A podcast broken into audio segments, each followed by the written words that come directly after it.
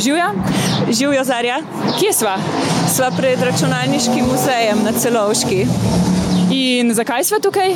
Šli si bomo ogledati eh, razstavo Kaj te briga, ki tematizira mlade, njihove pravice v digitalnem okolju in predvsem njihovo zaupanje do digitalnih platform. Ok, zveni super, peva kar notar. Greva.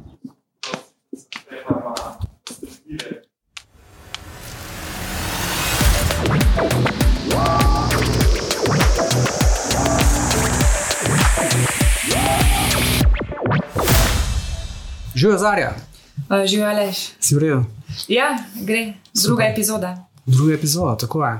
Druga epizoda podcasta Digitalna Slovenija, v katerem se pogovarjamo o življenju z novimi tehnologijami. Spodbujamo prebivalke in prebivalce Slovenije k uporabi informacijsko-komunikacijskih tehnologij. In preden napoveva temo današnje epizode, bi samo želel uh, se zahvaliti za dobrodošlico in uh, povedati, da so zelo vesela odzivov na družbenih omrežjih, ki so zaživela seveda isti dan, kot smo izdali prvo epizodo. In računamo seveda na angažiranje javnosti pri snovanju novih epizod, na njihov feedback. Kratka, hvala še enkrat. Lepo je biti v družbi ljudi, ki, eh, ki jih zanimajo digitalne tehnologije in življenje z njimi, se mi zdi. Ja, res je. In še naprej vam bomo uh, približevali na razumljiv, poljuden, zanimiv način vse lokalne, globalne politike, tehnologije, storitve in različne druge projekte z področja digitalne preobrazbe. Tako, tema današnje epizode pa je uporaba družbenih omrežij med mladimi v Sloveniji. Uh, govorila bova predvsem o raziskavi mladih, zasebnosti in zaupanja v Sloveniji in utemeljitev potrebe po strožjih predpisih, ki jo je pripravila Katja Koren Ošljak. Sodelavci iz Zavoda Vsak. Povedati pa je treba, da je večji del vsebine za to epizodo pripravila Zarja in bo tudi skozi, skozi pogovor s svojimi sogovornicami uh, ponudila precej uh, zanimivih odgovorov, morda odprla kakšno novo dilemo, kakšno novo vprašanje. Uh, in predlagam Zarja, da kar sama poveš, kakšen vtis si dobila o pogovoru s svojimi sogovornicami. Ja, govorila sem z dvema, uh, pa sta mi dali kar misliti. Veliko sem se naučila o tem, kako mladi uporabljajo družbena omrežja.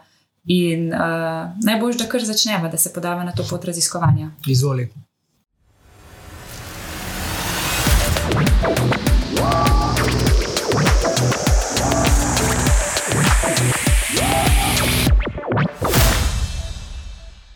V začetku ste slišali Katijo Korenošljak, raziskovalko zaposleno na Fakulteti za družbene vede. Je tudi članica Zavoda Vsak. Z njo smo se dobili pred računalniškim muzejem v Ljubljani in smo se sprehodili po razstavi z naslovom Kaj te briga? To je razstava o mladih, zasebnosti in zaupanju. Do sobote, 10. junija, je še na ogled v Ljubljani, potem pa gre po besedah Katje na turo po osnovnih in srednjih šolah po Sloveniji. V bistvu je pa ta razstava rezultat raziskave, ki jo je že omenil Aleš v začetku, in sicer raziskave z naslovom Mladi, zasebnost in zaupanje, utemeljitev potrebe po strožjih predpisih pri uporabi vseh teh digitalnih platform. To, kar je recimo nas zanimalo, glede na uh, rezultate naše, ne, kjer mladi na nek način so kar samozavestni glede svoje digitalne pismenosti, da znajo preverjati, katere podatke digitalne platforme zbirajo o njih. Uh, smo se pa vprašali, kaj okay, znamo, ne, ampak pa to res preverjamo. Tako da jaz te kar uh, vabim, da sama odgovoriš in daš nalepko pač na ustrezne odgovore. Torej, znaš preverjati in to tudi dejansko preverjaš. Ok, imamo dve vprašanji zdaj tukaj. In sicer prvo vprašanje, ali znam preveriti, katere podatke zbirajo o meni. Uh, jaz bi bila prvi nekje, ne vem, ampak recimo, da bom dala da, ker na nek način sklepam, da to piše v vseh tistih uh, stvarih, ko jaz kar kliknem, da se strinjam z njimi. Mi lahko pomagaš, prosim. Evo pa imamo nalepko pri da. In pa eno nalepko, jaz tega v resnici ne delam redno, ampak se na nek način za tiste glavne stvari, ki jih uporabljam, vedno strinjam. Se mi zdi, da sem nekako kar v večini, glede na to, kako ja. vidim trenutno situacijo, kako je bilo po vajni raziskavi. Uh, ja, v raziskavi drugega vprašanja nismo spraševali. Uh, ampak, ko smo razmišljali o rezultatih ne, in kaj pomenijo, ne, smo se tudi vprašali, da okay, samo preverjati, ampak ali res preverjamo. Ne. Večina mladih torej pravi, da ve, kako preveriti, katere podatke digitalne platforme zbirajo o njih. Kako pogosto mladi preverjajo, katere podatke zbirajo o njih, pa v raziskavi niso spraševali. Jaz sicer pri svoji uporabi kar hitro kliknem, strinjam se in grem naprej. Niti ne vem, če sem že kdaj sploh šla za nazaj preverjati, s čim vse sem se strinjala. To verjetno ni najboljša praksa. Drži, to se preveri v politikah zasebnosti, pogojih rabe in pravilnikih o piškotkih, ki pa so precej dolgočasno čtivo. In uh, zelo redko se zgodi. Hočem reči, da ne poznam nikogar, ki bi, ki bi prebral te stvari. Ne? Uporabniki navadno kliknejo v redu in se strinjajo čim prej na uporabniško izkušnjo. Ja, in že na naslednji točki sem v bistvu s Vaskatijo prišla do neke teme, ki jo imenujemo upodatkovljanje. In sicer naše življenja so zelo bogata s podatki, oziroma vsi ti digitalni velikani imajo ogromno podatkov o nas. Preden vstopiva v našo najstniško sobo. Zdaj gledava grafiko, ki opozarja na to, da smo upodatkovani, da so naša življenja upodatkovljena, uh, dosti krat tudi še preden smo rojeni. Ne? Tukaj imamo grafiko uh, no, noseče ženske, uh, v zadju so pa čisto realni naslovi iz časopisov in v bistvu tudi spletnih medijev, ki govorijo o tem, da se številni podatki o še nerojenem človeku ne, zbirajo, recimo aplikacije, ki spremljajo menstrualne cikluse, cikle ženske, ne, uh, recimo spremljajo že prve podatke. Kaj imamo še tu gor? Uh, števil, koliko podjetij ve, kdaj ste noseči uh, in tega niti ne zadržijo zase in to posredujejo pač na um, različnim tretjim osebam, ne drugim organizacijam. Ja, velika podjetja, ki stojijo za družbenimi omrežji, eh, res zbirajo ogromne količine podatkov. Eh, na tem pač temelji njihov osnovni poslovni model, uporabljajo pa jih seveda za prodajo naprej uh, specializiranim oglaševalcem. Ne? Tudi kar nekaj afer smo že imeli s tem v zvezi, stvari so se malo regulirale v preteklosti, ampak praksa ostaja bolj ali manj nespremenjena. In Katja mi je že v naslednjem koraku sprehoda po razstavi povedala izjemno zanimiv podatek. Do točke, ko ta otrok odrase in je star 13 let, imajo poprečno digitalne platforme oziroma oglaševalci na spletu ne, o poprečnem 13-letniku približno 72 milijonov podatkovnih točk, ne, s tem upravljajo, do tega dostopajo. Se pravi, do 72 milijonov različnih vrst podatkov o posamezniku, ko je star 13 let, ne, ko je v bistvu še zelo mlad. Ne, to, toliko imajo pač oglaševalci dan danes že izmerjene uh, mladostnike. Z vsem tem, da razpolagajo, v bistvu poznajo njihove navade, njihova vedenja na internetu, vedenje njihovih staršev. Oziroma, skrbnikov, ki so tudi objavljali o njih, recimo, ko so bili mlajši. Učiteljev, Učitelj. sošolcev, vrstnikov, vejo, poznajo pač vsebine, ki se jih v šoli učijo, vejo, kaj pišejo o domačih nalogah, vejo, kje preživljajo prosti čas, katere igrice igrajo, katere filme radi gledajo, katere pravljice poslušajo, knjige berejo. Pač, res celotna slika. Življenje je upodatkovljeno, zapisana, opisana s podatki. Ne? In v tem smislu pač je to zelo problematično, ker mlad človek, pa tudi odrasel, ne posameznik, vsak uh, izgublja v bistvu svojo suverenost. Ne? Če si predstavljamo te digitalne behemote na eni strani, kako so oni močni, ker toliko vejo o nas, ne? mi smo pa še vedno samo pač ljudje. Ne? In to je en velik, velik razkorak, ki ga pač ta um, razstava se trudi kritično, kaj rečem, kritično naslavljati. Sedaj smo se znašli pred otroško sobo 13-letnega ali 13-letne Vanje. Vanja je star, oziroma stara 13 let. 13 let, torej proti ja. koncu osnovne šole gre. Počasi pa greva kar noter. In prva stvar, ki jo jaz opazim, ko stopim noter, so koordinate te sobe.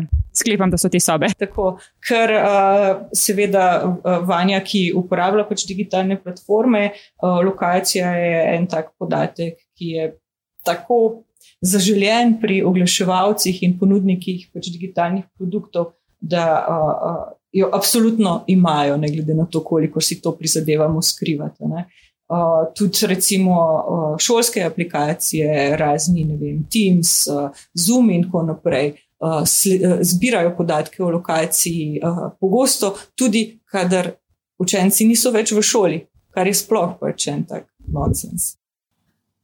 Druga stvar v sobi, na katero me je upozorila Katja, je bila nekje 8 do 10 cm debela knjiga formata A4, ki je nosila naslov Zbrana dela politik zasebnosti, pogojev uporabe in pravil o piškotkih 23 priljubljenih digitalnih platform. Res taka ogromna knjiga na polici. In ravno to je tisto, kar si ti prej omenil, da je Tako, to so izjemno neberljiva zbrana dela, ki jih nihče nikoli ne bo odprl in prebral. So pa lahko v marsikakšnem primeru, najbrž ne bom rekel usodna, ampak zelo problematična, ker predvidevajo, da je uporabnik tisti, ki nosi breme dokazovanja, recimo v kakšnih kazenskih primerih ali kaj podobnega. Tako da se velja občasno tudi s kakšnim pravnikom okrog tega posvetovati.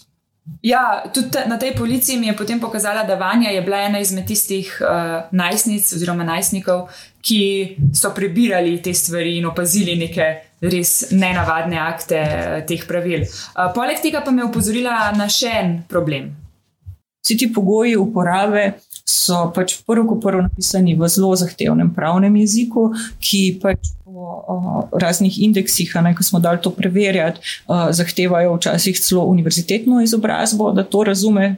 Posameznik, posameznica. Ne. Poleg tega so pa zapisani praviloma v angliškem jeziku. Ne. Prav tako so tudi, pač, če bi želeli neko, kaj rečem, človeški podpor na teh platformah, kadar kaj ne deluje ali pa želimo kako pomoč, ne, je tudi ta praviloma na voljo v angliščini ali po kakem drugem večjem svetovnem jeziku, ne, nikakor pa ne v slovenskem jeziku, ker se to pač tem lasnikom platform preprosto ne izplača, ne morejo takih storitev zagotavljati. In v tem smislu so mladi v Sloveniji v bistvu še na slabšem kot njihovi vrstniki. Po svetu, uh, ker uh, namreč ne samo, da pač se morajo ukvarjati z nekimi težkimi pravnimi teksti, ne, uh, ti teksti so še praviloma v angliškem jeziku. V naslednjem koraku smo v sobi videli še zasebnostno ogledalo ali privacy mirror, Na njem so bili nalepljeni emotikoni, ki jih pogosto uporabljamo pri objavah na družbenih omrežjih, recimo, če želimo prekriti obraz kakšne osebe ali pa starši, veliko krat pri recimo kakšnih fotografijah njihovih malčkov. In nad posteljo je imela vanja nalepljenih kar nekaj plakatov, ki so opozarjali na prekomerno zbiranje podatkov strani tehnoloških velikanov. Miza pa je bila polna piškotkov. Razumem, za kakšne piškotke gre. Vanja se zdi zelo dobro digitalno ozaveščeno osnovnošolec in osnovnošolka. Piškotki so namreč v računalništvu podatki o uporabniku ali uporabnici, ki ga spletni brskalnik shrani na računalnik ali na drugi napravi za možnost nadaljne uporabe. Ja, res je. Gre za vse te informacije, v bistvu, ki se ob obisku posamezne spletne strani shranijo. Uh, in potem, ko ponovno obiščemo to, ta stran, recimo, so že uporabljene za neko prepoznavanje, sledenje in zbiranje specifičnih informacij o internetnih uporabnikih. Na eni strani nam to olajša, mogoče uporabo spleta, ampak na drugi strani pa recimo, ko si zapomnijo vem, nastavitve jezika, lokacije, kje smo. Uh, in še posebej, ko recimo te informacije pridejo do oglaševalcev in drugih družbenih omrežij, to lahko postane problem. Ja, za oglaševalce so to, te informacije resnično suho zlato. Ne? Oni od tega živijo uh, in to uh, na različne načine zbirajo in potem seveda prodajajo naprej. Ja, in Vanja, potem, ko smo stopili iz sobe, že v sami sobi veliko opozarja na to, še posebej pa zunaj, so potem na voljo nalepke z različnimi slogani, naprimer Our future is private, naša prihodnost je zasebna nothing to hide, nothing to show, nič za skriti, nič za pokazati. In vse, vse to se mi zdi, da na nek način celotna razstava opozarja na ta moč in vpliv velikih digitalnih platform na naše življenje in predvsem ta njihov poslovni model. Ne? Naši podatki njim nudijo uh, do, velike dobičke.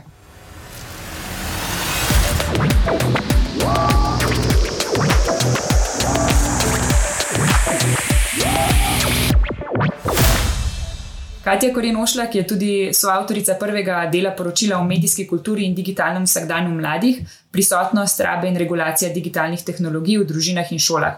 To poročilo je nastalo kot del RRS projekta Medijski repertoarji mladih. Projekt sicer vodi profesorica dr. Tanja Oblak Črnič iz Fakultete za družbene vede. Katera socialna mreža pa uporabljajo mladi, kaj jih najbolj pritegne? Če pogledamo pri osnovnošolcih, zagotovo pač preko 70 odstotkov jih uporablja Snapchat in je to njihovo pač top najbolj priljubljeno omrežje. Ne? To je po podatkih raziskave medijski repertoarji mladih spet. Na drugem mestu pri osnovnošolcih je TikTok, to je pač tam nekje proti 55 odstotkom. TikToku sta blizu YouTube in Instagram vsa ta omrežja uporablja približno polovica osnovnošolcev in osnovnošolk, na zadnjem mestu pa sta Discord in Pinterest. Pri srednješolcih je pa toliko razlika, da je pri srednješolcih najbolj priljubljeno omrežje Instagram. Instagram uporablja kar več kot 70 odstotkov srednješolk in srednješolcev, potem pa se pri njih zvrstijo Snapchat, TikTok, YouTube, Discord in Pinterest. Uh, ravno zadnji si v pogovoru omenjal, uh, da imaš doma dva osnovnošolca, ki že uporabljata uh, družbena omrežja. Kako jih recimo mladi uporabljajo? Uh, drži, uh, imam tri. Ta starejši je uh, star 14 let, mlajša sta pa dvojčka, sta pa stara 11 let.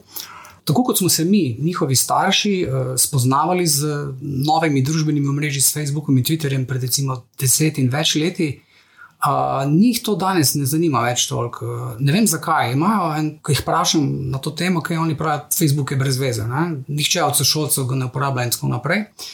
Je pa res, da dosta uporabljajo recimo Discord, prvenstveno bi rekel zato, da se najprej povežejo z ljudmi, ki jih poznajo, s prijatelji, potem pa gredo na zaseben kanal in tam klepetajo v živo, ne? brez puščanja nekih ne vem kakšnih digitalnih sledi, praktično tako kot ljudje uporabljajo WhatsApp ali pa Viber ali pa podobne aplikacije, zato da se pač uživo uh, pogovarjajo in klepetajo. Ostalih funkcionalnosti družbenih omrežij, kot so neko deljenje, uh, všečkanje in tako naprej, predvsem ne kažejo nobenega posebnega interesa za to.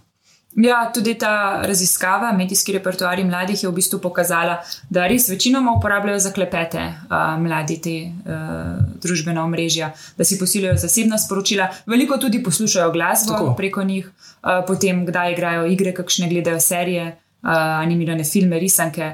Eh, gledajo tudi fotografije, videe vide drugih, ampak to je šele kasneje, pride za tem primarnim socialnim nekim načinom uporabe.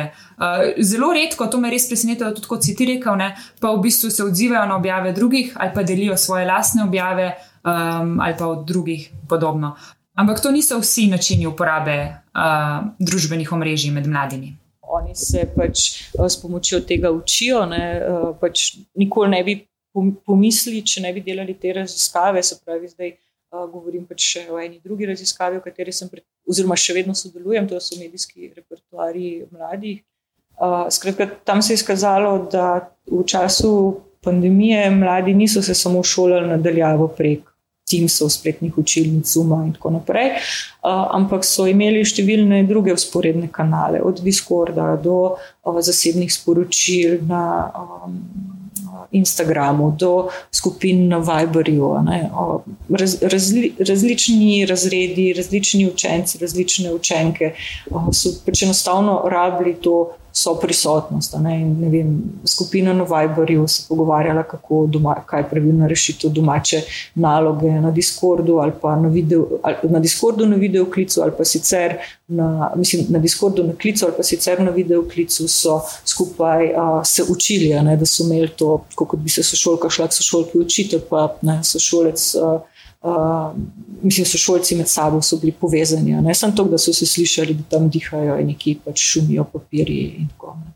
Uh, skratka, to so njihovi prostori učenja, to so njihovi prostori igre. Ne? Recimo, Discord je znana igričarska platforma, uh, ampak so poleg tega tudi recimo, si organizirali uh, filmske večere prek njega, verjetno, mislim, ali pa si jih verjetno še eno. Pač, uh, Ne, tako da so si pač skupaj film gledali in so bili v bistvu virtualno prisotni, kot bi bili sicer pri nekom v dnevni sobi a, doma.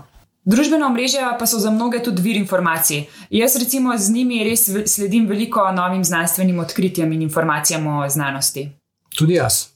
Absolutno, absolutno. Mladi se informirajo prek družbenih omrežij, čeprav je nam odraslim, kaj ne rečem, ne, včasih kar nevrjetno, kako se informirate prek TikToka ali pa Instagrama, ampak oni dejansko se prek tega informirajo in tudi imajo svoje razumevanje tega, kaj zdaj je informiranje. Ne. Za nje je tudi informacija o šoli pač informiranje. Ne, ne gledajo tega strogo tako. Um, kaj rečem, strokovnih novinarskih uh, pozicij. Torej, novica za nje, da bo kontrolka iz matematike, je pomembna pač informacija ne? in želijo biti o tem obveščeni in si pošiljajo med sabo. Sporočila, oziroma učitelji jim tudi po različnih razrednih grupah na ta način sporočajo, kaj bo jutri v šoli ali pa kam grejo na naslednji izlet. So pa tudi prostor samoorganiziranja. S Katijo smo govorili recimo tudi o primeru mladih za podnebno pravičnost. To je neko globalno gibanje, ki ima res močno prisotnost na družbenih omrežjih. In hkrati so se vsi mladi na nek način istočasno povezali in istih dnevih organizirajo njihove skode, shode in opozarjajo na podnebno krizo. In tako so si oblikovali nek svoj prostor, kjer lahko izrazijo svoje mnenje in te pro, prostore tudi samo oblikujejo, imajo tudi neka svoja pravila, neko avtonomijo in jim to omogoča v bistvu, da živijo kot želijo in ustvarjajo in predvsem opozarjajo na um, res hudo podnebno krizo. Tudi v samih raziskavah so nam povedali, da recimo jim je pri družbenih omrežjih to super, da se lahko tam sprostijo, da se umaknejo pred starši, da se umaknejo pred učitelji. Ne? Pač, nekoč smo imeli možnost biti tam na dvorišče, ne? pa za blok se skrivati tam, kjer ni bilo balkona, da bi te mama videla. Ne? Zdaj pač je še ena, mož, mislim, ena od možnosti, da iti na družbeno omrežje in se tam pač prijateljem potožiti, kako ti doma težijo. In jaz mhm. mislim, da je to neverjetno pomembno in da smo zelo krivični, kadar ocenjujemo, da je to zapravljanje časa in buljenje v telefon. Je pa to tudi prostor uh, izjemno donosnega zaslužka za nekatere. Zdaj, konkretno do tega podatka v raziskavi nismo prišli, ne, ampak to vemo iz uh, drugih. Uh, raziskav o tako imenovani tej gig ekonomiji, pa teh mikrozaslužkih, kjer rešuješ različne ankete ali pa igraš neke igrice in dobivaš po neke žetončke, ki jih lahko potem v neki točki uh, monetiziraš. Ne. Ta vidik je recimo zelo. Oh, kaj rečem, um, družbeno, razredno strukturiran, ker uh, so seveda mladi iz deprivilegiranih materialno deprivilegiranih okolij, pač imajo veliko več interesa, ne, ker jim pač ta teh nekaj evrov ali pa nekaj dolarjev uh, denarja pač uh, dosti pomeni. Ne, uh, da, uh, recimo, ne, ta primer izpostavljam zato, ker tu zraven pač je važno misliti ne samo o starosti, ne samo na to, da je nekdo mlad, ampak tukaj se igramo, oziroma igra zraven pač vlogo veliko pač kulturni kapital, socialni kapital. Torej, okolje takšno, kot lahko mlademu nudi suporta, ne, vpliva in na njegovo medijsko pismenost, digitalno pismenost, na, na repertoarje medijske, torej na to, kaj gleda, kaj bere, kje se nahaja, kako to uporablja. Ravno ta dostopnost in podpora pri uporabi interneta in družbenih omrežij je za otroke izjemno pomembna.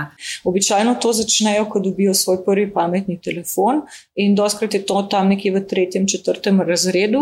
Um, razlog, zakaj pa dobijo telefon, je pa, ker takrat začnejo lahko sami hoditi v šolo in iz šole. In telefon staršem predstavlja en tak most, ne, da se jim lahko otrok javlja, če bi bilo karkoli narobe, da jim sporoči, da je v redu prišel šole ali pa da se je vrnil iz šole domov. Uh, ja, hkrati si pa mladi zelo želijo čim prej mi družbena omrežja, ker so tam starejši vrstniki, ne, ker s tem pač pripadajo. Ne, če so. Uh, Pač pripadajo svoji vrstniški uh, skupini. Ne? Tako da um, zagotovo, pač, mislim, da to je zdaj pač malo anekdotično pripovedovanje, pač iz tega, kar slišimo od uh, znancev in učiteljev. Uh, zagotovo prej, kot pri 13 letih, koliko so pač te neke omejitve platform, in tudi starši jim ne malo krat pač pomagajo pri tem, da jim pomagajo ponastaviti, oziroma da jim svetujejo, da ne spremenijo datum rojstva. No? Tako da so starši v tem smislu včasih tudi njihovi, kaj ne rečem, so krivci v tem zločinu. V raziskavi medijski repertoarji mladih je na anketo odgovarjal kar 2301 učenec. Od 7. do 9. razreda iz 46 osnovnih šol v Sloveniji. Zgolj 18 jih je reklo, da ne uporabljajo pametnega telefona in potem tudi zelo verjetno niso na uh, družbenih omrežjih. Od tega pa je bil le en udeleženec zabeležil, da ga nima, ker si ga ne more privoščiti. E, ja, izkaže se, da po časovni oceni, vsaj med osnovnošolci, prednačijo naprave, kot so pametni telefon, televizija in računalnik, ki jih po večini uporabljajo od ene pa do treh ur dnevno, pri čemer dobra četrtina osnovnošolcev pametni telefon uporablja celo pogosteje, od 3 do 5 ur dnevno. Osnovnošolcev, ki bi pametni telefon uporabljali več kot 5 ur na dan, je približno slaba petina, oziroma 18 odstotkov. Časovna upetost v uporabo pametnega telefona je med srednješolci še večja, saj ga večina, kar 43 odstotkov, uporablja 3 do 5 ur dnevno, dobra četrtina pa kar od 5 do 10 ur dnevno. To pa je že precej velika številka. Ampak vseeno, ko to uporabljajo, no, imajo pa tudi svoje želje. uh, pri tem, pri uporabi uh, družbenih omrežij. In razloge najbrž. Razloge za uporabo, definitivno, ampak si želijo, da bi bile določene spremembe uvedene. Da mladi v Sloveniji so neverjetno kritični uh, do digitalnih platform, uh, se zavedajo tveganj, uh, v katera uh, pač pristajajo z uporabo. Um, in uh, ja, v bistvu je to bilo eno tako zelo pozitivno presenečenje, da pač v bistvu. Na račun tega so celo nekateri sami pripravljeni sprejeti več nadzora starševskega, več regulacije, uh, uh, mogoče celo sami sebe omejiti pri tem, da bi do neke starosti pač uporabljali uh, platforme. Uh, predvsem pa si želijo, no, da bi se pač uh, ne oglaševalo, zavedajo se, da so oglaševalci tisti, ki potrebujejo uh, pač podatke, ki ne, ti modeli delujejo pač na osnovi podatkov. Mladi imajo torej zelo jasno izražene želje, kaj si želijo, da bi bilo drugače na družbenih omrežjih. Tudi samo omejujejo se pri tem, kako se obnašajo na družbenih omrežjih, kaj objavljajo, tako da res so kar kritični do uporabe. Poročali so namreč večkrat v intervjujih poglobljenih, ki smo jih upravljali z njimi, da recimo prikrivajo svoj obraz, da ne objavljajo fotografij svojega obraza, da ne objavljajo fotografij drugih oseb, oziroma da če nekoga fotografirajo, ga prosijo za dovoljenje, če lahko to objavijo, da recimo da se odločijo, da na svojem Instagramu objavljajo samo fotografije narave ali pa fotografije s počitnic, brez ljudi, tako da a, do neke mere pač a, gotovo pač to, a, to njihovo. Zavedanje vpliva na to, kako uporabljajo družbeno mrežo. Če želijo uporabljati družbeno mrežo, jim ne preostane drugega, kot da pač pristanejo na pogoje platform. Ja, brez dvoma, mislim, da to velja za vse, ne samo za njih.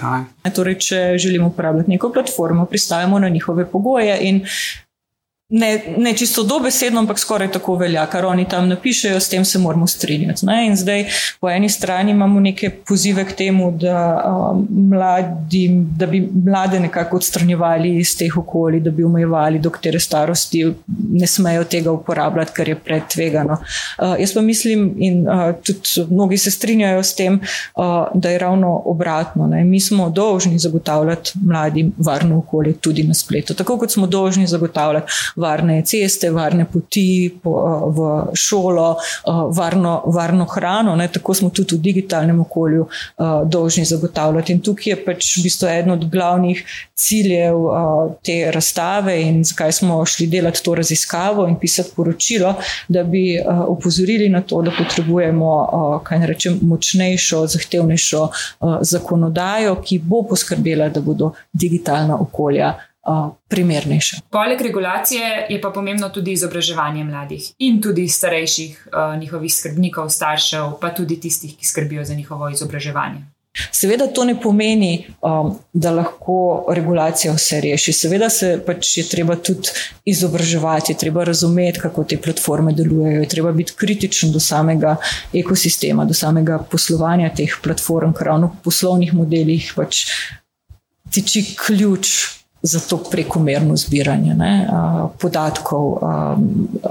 Da, in, in, ne, in zato je tudi ideja te razstave, da je na nek način aktivistična, ne, da mlade, tako kot smo jih v raziskavi vključevali in spraševali za njihove mnenje, ne, da jih tukaj, tukaj še angažiramo na nek način, kaj ne rečem, politično, da začnejo razmišljati, da imajo tudi sami nek glas, da lahko imajo svoje pričakovanja in neke zahteve in jih izražajo. Pa se tudi mi odrasli veliko uporabljamo ta omrežja.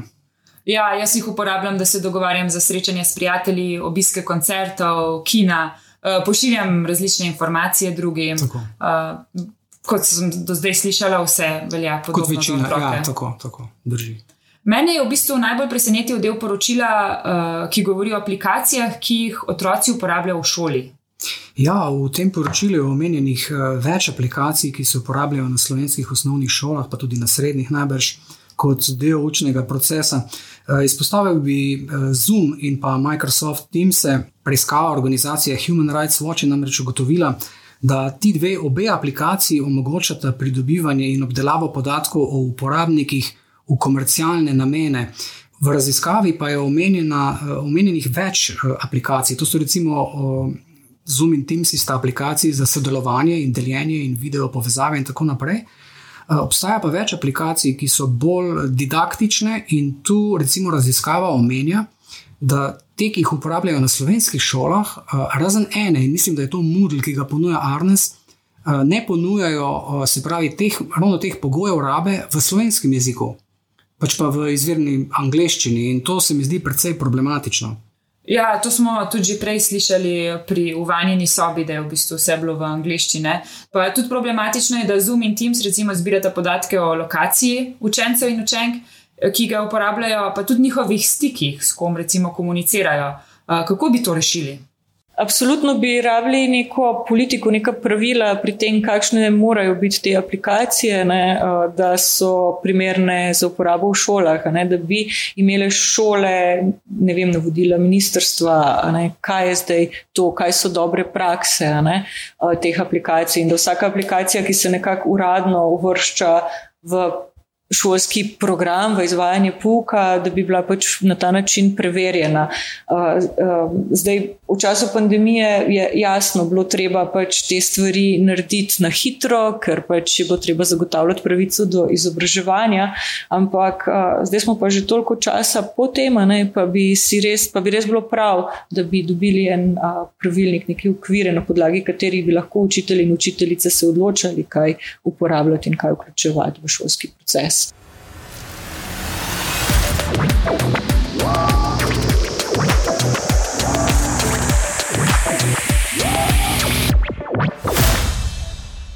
V zadnjem času smo slišali kar nekaj pozivov različnih eh, voditeljev po svetu, da je potrebno prepovedati uporabo družbenih omrežij vsem, ki so mlajši od 18 let.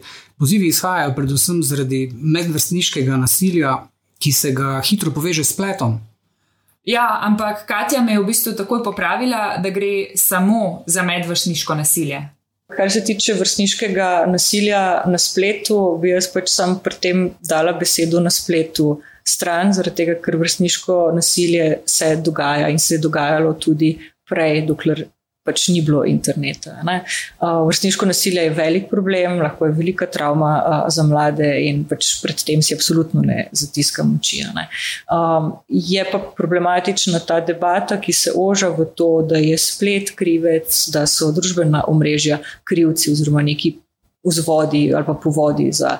Za to vrstniško nasilje, ker se mi zdi, da pač ja, mi lahko ko pač to do neke mere reguliramo, mladostnike pač umikamo z omrežji, ali vem, imamo različne filtre, ki to zaznavajo in lahko do neke mere algoritmično to vem, označujejo, flegajo, ne, preprečujejo, obveščajo, poročajo, ne vem, tudi policiji naprej. Ampak zares pa ne bomo izkorenili s tem vrstniškega uh, nasilja. Ne? In to, pač, uh, to, je, to je v bistvu širši družbeni uh, problem. Ne? Se tudi odrasli smo zelo nasilni in zelo um, zlobni lahko uh, drug do drugega. Ne?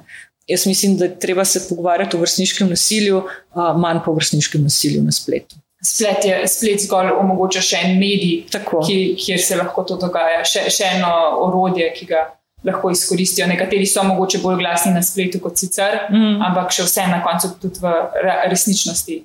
Glasni. Tako, tako in, in treba se spraševati, zakaj pač ti mladi počnejo, mislim, izvajajo nasilje, ne? Zakaj, so, zakaj so nasilni. Ne, pač, in, ja, še enkrat niso nasilni zaradi družbenih omrežij. V začetku meseca maja je Ministrstvo za digitalno preobrazbo organiziralo posvet na temo medvrstniškega nasilja na spletu. Na njem je sodelovala tudi doktorica Nažat Mala Mdžit, eh, posebna predstavnica generalnega sekretarja Združenih narodov za nasilje nad otroki. Ja, ti si se pogovarjala z njo. Ja, poklica... Je bil zanimiv pogovor.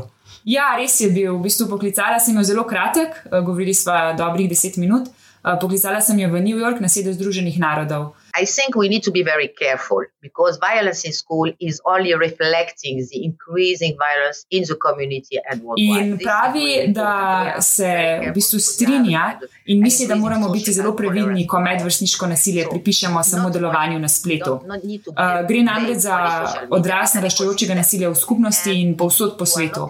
Zato moramo biti previdni, ker imamo nekakšno naraščajočo toleranco družbe do nasilja. Torej, ne smemo za vse to kriviti samo družbe družbenih uh, medijev in družbenih omrežij, ampak gre za nek celoten ekosistem. En, in če ga ne jemljemo vsega skupaj v tem ekosistemu in ne vidimo, da, sem, da so družbeni mediji oziroma družbena omrežja samo del tega, potem tega ne moremo rešiti v bistvu. Otroci se sicer obračajo na družbena omrežja in internet, uh, da se tam lahko izrazijo, da lahko izrazijo tudi svojo skrb, da so lahko aktivni državljani in dajo tudi neko podporo sovrstnikom. In po njenih besedah je to lepši del interneta in ga nikakor ne bi smeli v bistvu prepovedati. In mislim, da je pomembno, da internet uporabljamo in, da se, in predvsem, da se borimo za vključujoč, varen in opolnomočen dostop do interneta za vse. Hkrati pa moramo otroke, starše, družine, različne skupnosti, šolske svetovalne delavce in delavke in vse ljudi opolnomočiti za uporabo interneta. Vsi se namreč zavedamo, da trenutno brez njega ne moremo živeti in da je za otroke, kot smo že ugotovila v današnjem podkastu, je res ključnega pomena za socializacijo, za povezovanje s prijatelji, za družbo, ki jo imajo. Hkrati pa je na nas, da jim zagotavljamo zaščito in, in v bistvu tudi nudimo neko medvrstniško svetovanje, in predvsem, da zagotovimo neko pravičnost tudi na internetu. We need to see where are the roots of violence, why we are becoming, because violence is surrounding school and it's entering school and it's in the community. So I think Dodatno je povdarila, da moramo raziskati izvor vsega tega medvrstniškega nasilja. Nasilje se dogaja okoli šol in zdaj vstopa tudi v šole in v same skupnosti. What I saw also because I am doing a lot of country visits, and this is important for me also to meet children, you know, at local level. Nažat Malam Džit uh, mi je povedala tudi nekaj primerov dobre prakse iz tujine. Omenila je projekt Roots, korenine v Indoneziji, Kind Hearted Benches, uh, klopi prijaznega srca v Južni Afriki in projekt Kindly v Združenih državah Amerike. Pa tudi Microsoft ima nek svet za digitalno dobro.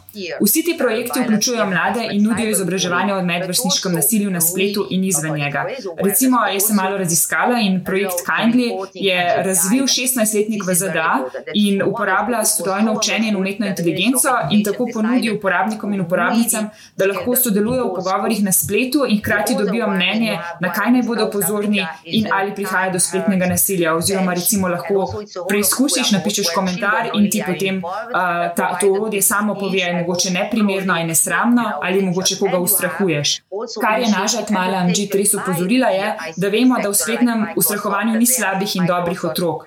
In da, to, da gre za neko vedenje, ki se lahko in se mora spremeniti, če nudimo zadostno podporo.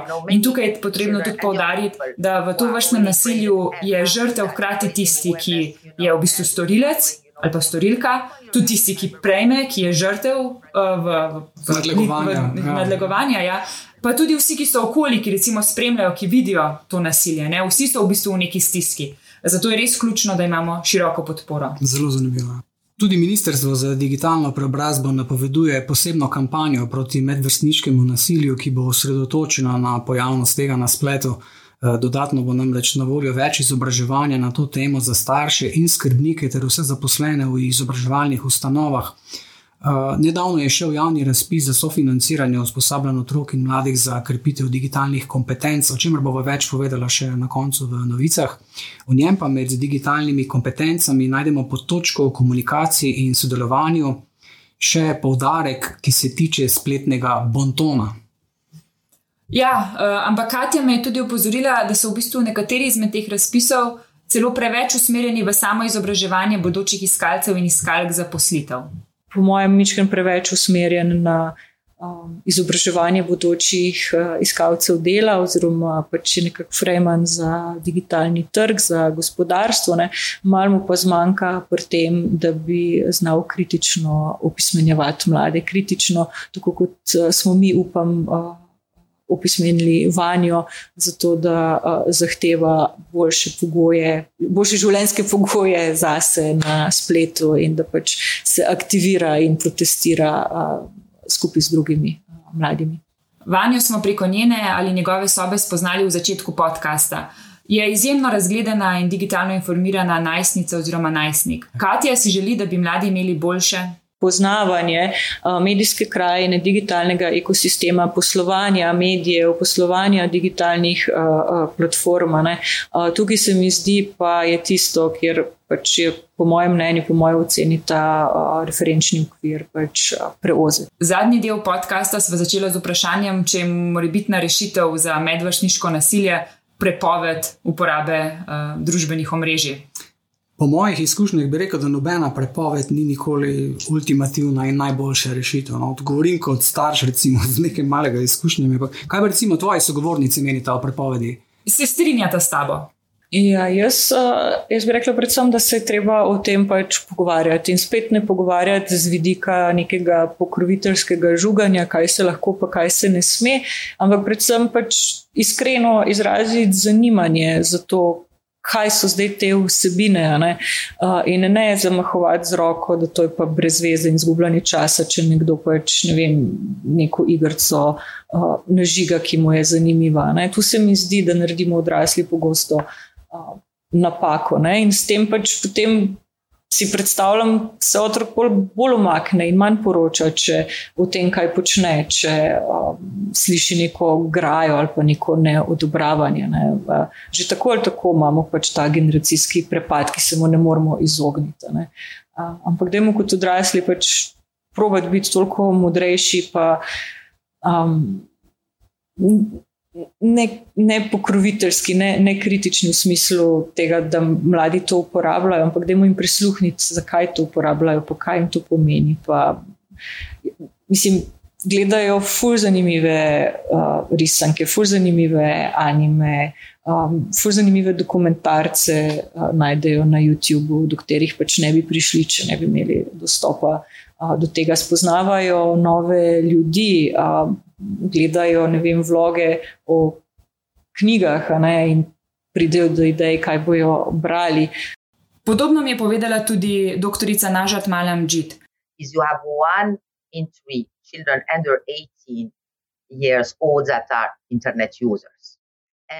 Pravi, da je internet in družabna omrežja, družbena omrežja so postala del njihovih vsakdanjih življenj in da z neko prepovedjo ne bomo veliko dosegli. Eden od treh otrok, mlajših od 18 let na svetu, dan danes uporablja internet. Dostop do interneta, vseh aplikacij in družbenih omrežij je osrednjega pomena v njihovem življenju. Zato je ključno, da jih vključimo kot akterje pri pripravi metod za zmanjšanje spletnega ustrahovanja in nasilja. Dodatno Malam Džit poudarja, da je potrebno vključiti vse žrtve, tudi tiste, ki izvajo nasilje, in tudi tiste, ki so, recimo, nasilju samo priča. Vsi so v stiski. Veliko otrok po vsem svetu ima težave s poročanjem o nasilju in spletnem ostrahovanju. S tem, da jih vključimo v to, jim je potem tudi lažje poročati in tudi lažje se jim soočiti s tem in tudi deliti njihove izkušnje naprej. Poleg tega je potrebno vedeti, da splet nudi tudi ogromno podpore in svetovanja za primere spletnega ostrahovanja. Ključno pa je, da skupaj z otroki ta urodja izboljšamo in jim tudi prisluhnemo. Se strinjam. Ključno, za kar se zauzemajo Združeni narodi, je, da se mlade vključi v reševanje teh problemov in pripravo regulacij družbenih omrežij. Kaj pa lahko torej naredimo in kaj si mladi želijo? Definitivno strožji zakonodajni okvir. Če sem prav obveščena, Evropska unija pripravlja pač regulativo, nekaj, čemu mislim, da se reče tako v vsakdanjem jeziku GDPR za otroke, kjer bo ta okvir bo posebej reguliral zasebnost oziroma varstvo podatkov mladoletnih na internetu oziroma v digitalnem okolju. So, what we are pushing for is to make sure that you have the child safety by design and this is really important and to make sure that children's rights are duly embedded you know in the business's model and to have strong legislation because the role of government is good is important is really important but at the same time It's not stopping them or blocking them. Obe sogovornici sta torej v pogovorih, ki sem, ju, ki sem jih imela z njimi, uh, izpostavili, da je naloga nas odraslih, da naredimo vsa ta družbena omrežja in ostale aplikacije in programe, ki jih otroci uporabljajo, varne za njih in da neka splošna prepoved ni rešitev. Ja, mladi si torej želijo, da bi jim zakoni zagotavljali boljšo zaščito. Predvsem si želijo res boljšo zaščito zasebnosti, in to so ugotovili na podlagi vseh delavnic, eh, v katerih je sodelovalo kar 15 tisoč osnovnošolcev in osnovnošolk v Sloveniji, in je bila objavljena v eh, poročilu Mladi zasebnost in zaupanje v Sloveniji. In na podlagi tega poročila lahko strnemo, da si mladi res želijo izboljšav. Uh, in, vse, in kar, kaj vključujejo te izboljšave, manjši obseg zbiranja podatkov, večja varnost podatkov in predvsem odpra, uh, odprava pretirane hrambe podatkov. Kako se ti zdi? Si se veliko naučil? Uh, ja, brez dvoma, zanimiva tema. Uh, vsega, seveda, uh, nisem mogla zaobjeti, ampak bistvene stvari uh, je pa ta raziskava vendarle zajela. Ne? Mene, predvsem, preseneča v pozitivnem smislu, da so mladi izjemno pazljivi pri vsem skupaj. Kako, ne, mogoče jim včasih damo premalo kredita, kot se temu reče, ne? preveč dvomimo starši uh, v to, so, so previdni. Ne? so radovedni uh, in to mi, to mi je v redu. Uh, in da prihajajo takšne pobude z njihove strani, se mi zdi, je vse spodbudno. No? Uh, človek bi mogoče pričakoval celo uh, bolj generične odgovore, ali kako bi temu rekel, ampak uh, na splošno se mi zdi zelo v redu. No? Tudi vzorec je kar reprezentativen.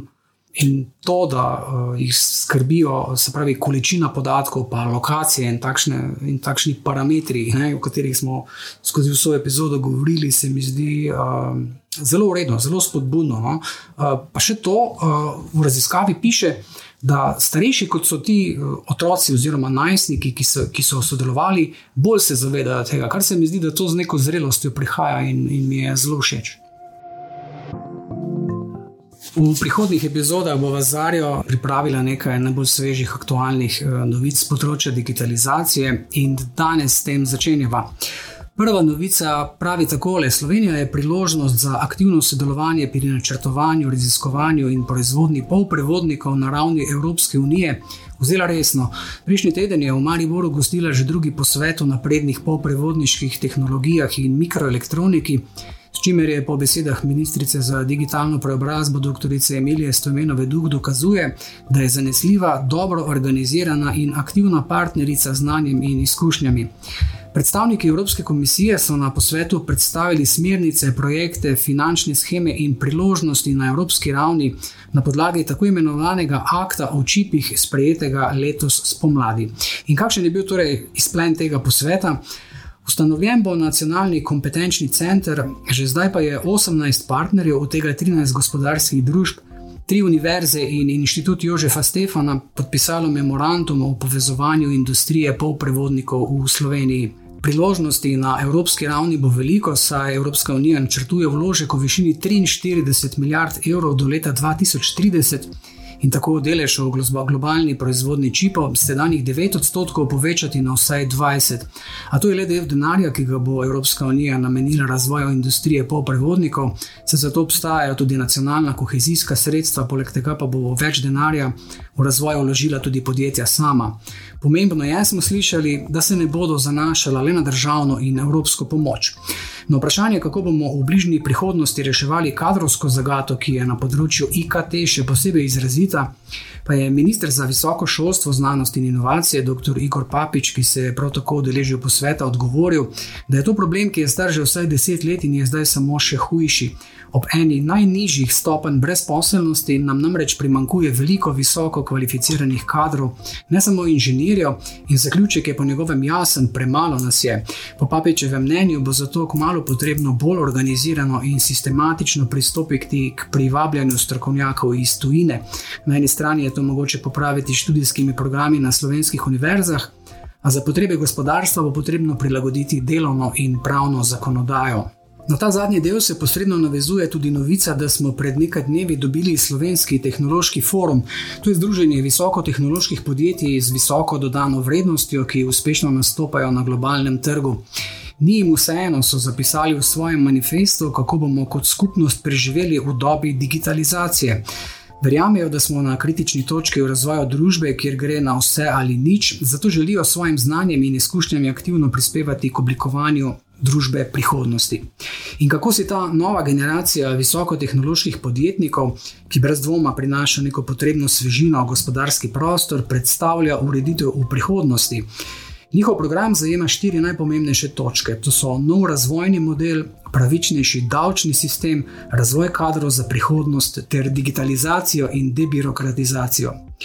Konkretno predlagajo kar nekaj zanimivih in inovativnih rešitev, med drugim denimo elektronskega notarja in pa uvedbo poenostavljene delniške družbe za zagonska podjetja, Zato bo v Azari v bližnji prihodnosti kot sogovornike gostila tudi predstavnike Slovenskega tehnološkega foruma. A če na kratko ostanemo pri njihovi misiji, ustanovitelji pravijo, da se ne združujejo z namenom, da bi povečali svoje kratkoročne dobičke ali reševali svoje vsakdanje operativne ovire. Njihovi cilji so bolj plemeniti in visoko leteči, želijo si konstruktivno sodelovati pri oblikovanju družbene ureditve prihodnosti. Za konec pa še novica, ki jo je ministrica za digitalno preobrazbo Emilija Stojmenova Duh nakazala že v prvi epizodi podcasta in sicer, da je bil te dni tudi uradno objavljen javni razpis za sofinanciranje usposabljanj otrok in mladih za krepitev digitalnih kompetenc ter spodbujanje in promocijo naravoslovnih in tehničnih poklicev. Razpis je razdeljen v tri vsebinske sklope in sicer IKT vsebine za dekleta in ženske napredne digitalne tehnologije in dvig digitalnih kompetenc otrok in mladih. Programi se bodo izvajali v obliki neformalnih usposabljanj, kot so tečaji, delavnice, učni tabori in druge oblike dela z mladimi. Bistven element usposabljanja je preplet teoretičnih in praktičnih vidikov, katerega namen je dvig digitalnih kompetenc otrok in mladih. Vse podrobnosti v razpisu najdete na spletni strani ministrstva in ne pozabite, rok za prijavo je 27. juni. To je bila druga epizoda podcasta Digitalna Slovenija in upam, da so Zarijo uspela uh, vsaj delno osvetliti, kako mladi uporabljajo družbena omrežja pri nas. Sledila pa bo serija epizod na temo umetne inteligence. Se strinjaš, Zarja? Ja, poletje je umetne inteligence. Tako, uh, Stvar ne samo, da je zelo uh, aktualna in sveža, ampak je tako zelo kompleksna, da smo se odločili, da jo bomo razdelili v štiri tematske sklope. Recimo, da bo eden o dobrih praksah, eden mogoče o, o dvomih in slabših praksah, pa eden o tem, ali nas bodo roboti resnično nadomestili v bližnji prihodnosti in ogrozili na tisoče in tisoče delovnih mest. Ena epizoda pa bo namenjena najbrž uh, regulaciji, ki je, se bojim, neizogibna v zelo bližnji prihodnosti. Toliko za danes. Whoa!